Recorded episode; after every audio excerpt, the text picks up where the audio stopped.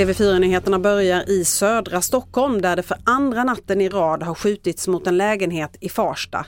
Det fanns personer i lägenheten men ingen har kommit till skada. Polisen säger till SR att de senaste dagarnas sprängningar och skottlossningar handlar om att nätverken skrämmer varandra. Allt fler får svårt att betala sina elräkningar.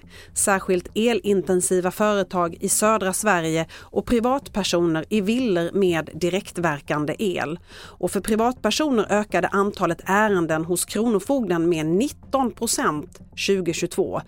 Davor Voleta på myndigheten menar att det är oroväckande när det går så långt att elräkningen skickas till Kronofogden. En man överlevde 24 dagar på ketchup, vitlökspulver och några buljongtärningar när den båt han renoverade drev ut i Karibiska havet.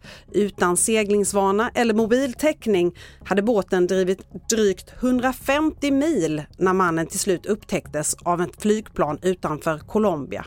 Fler nyheter på tv4.se. Jag heter Libertad Mancini.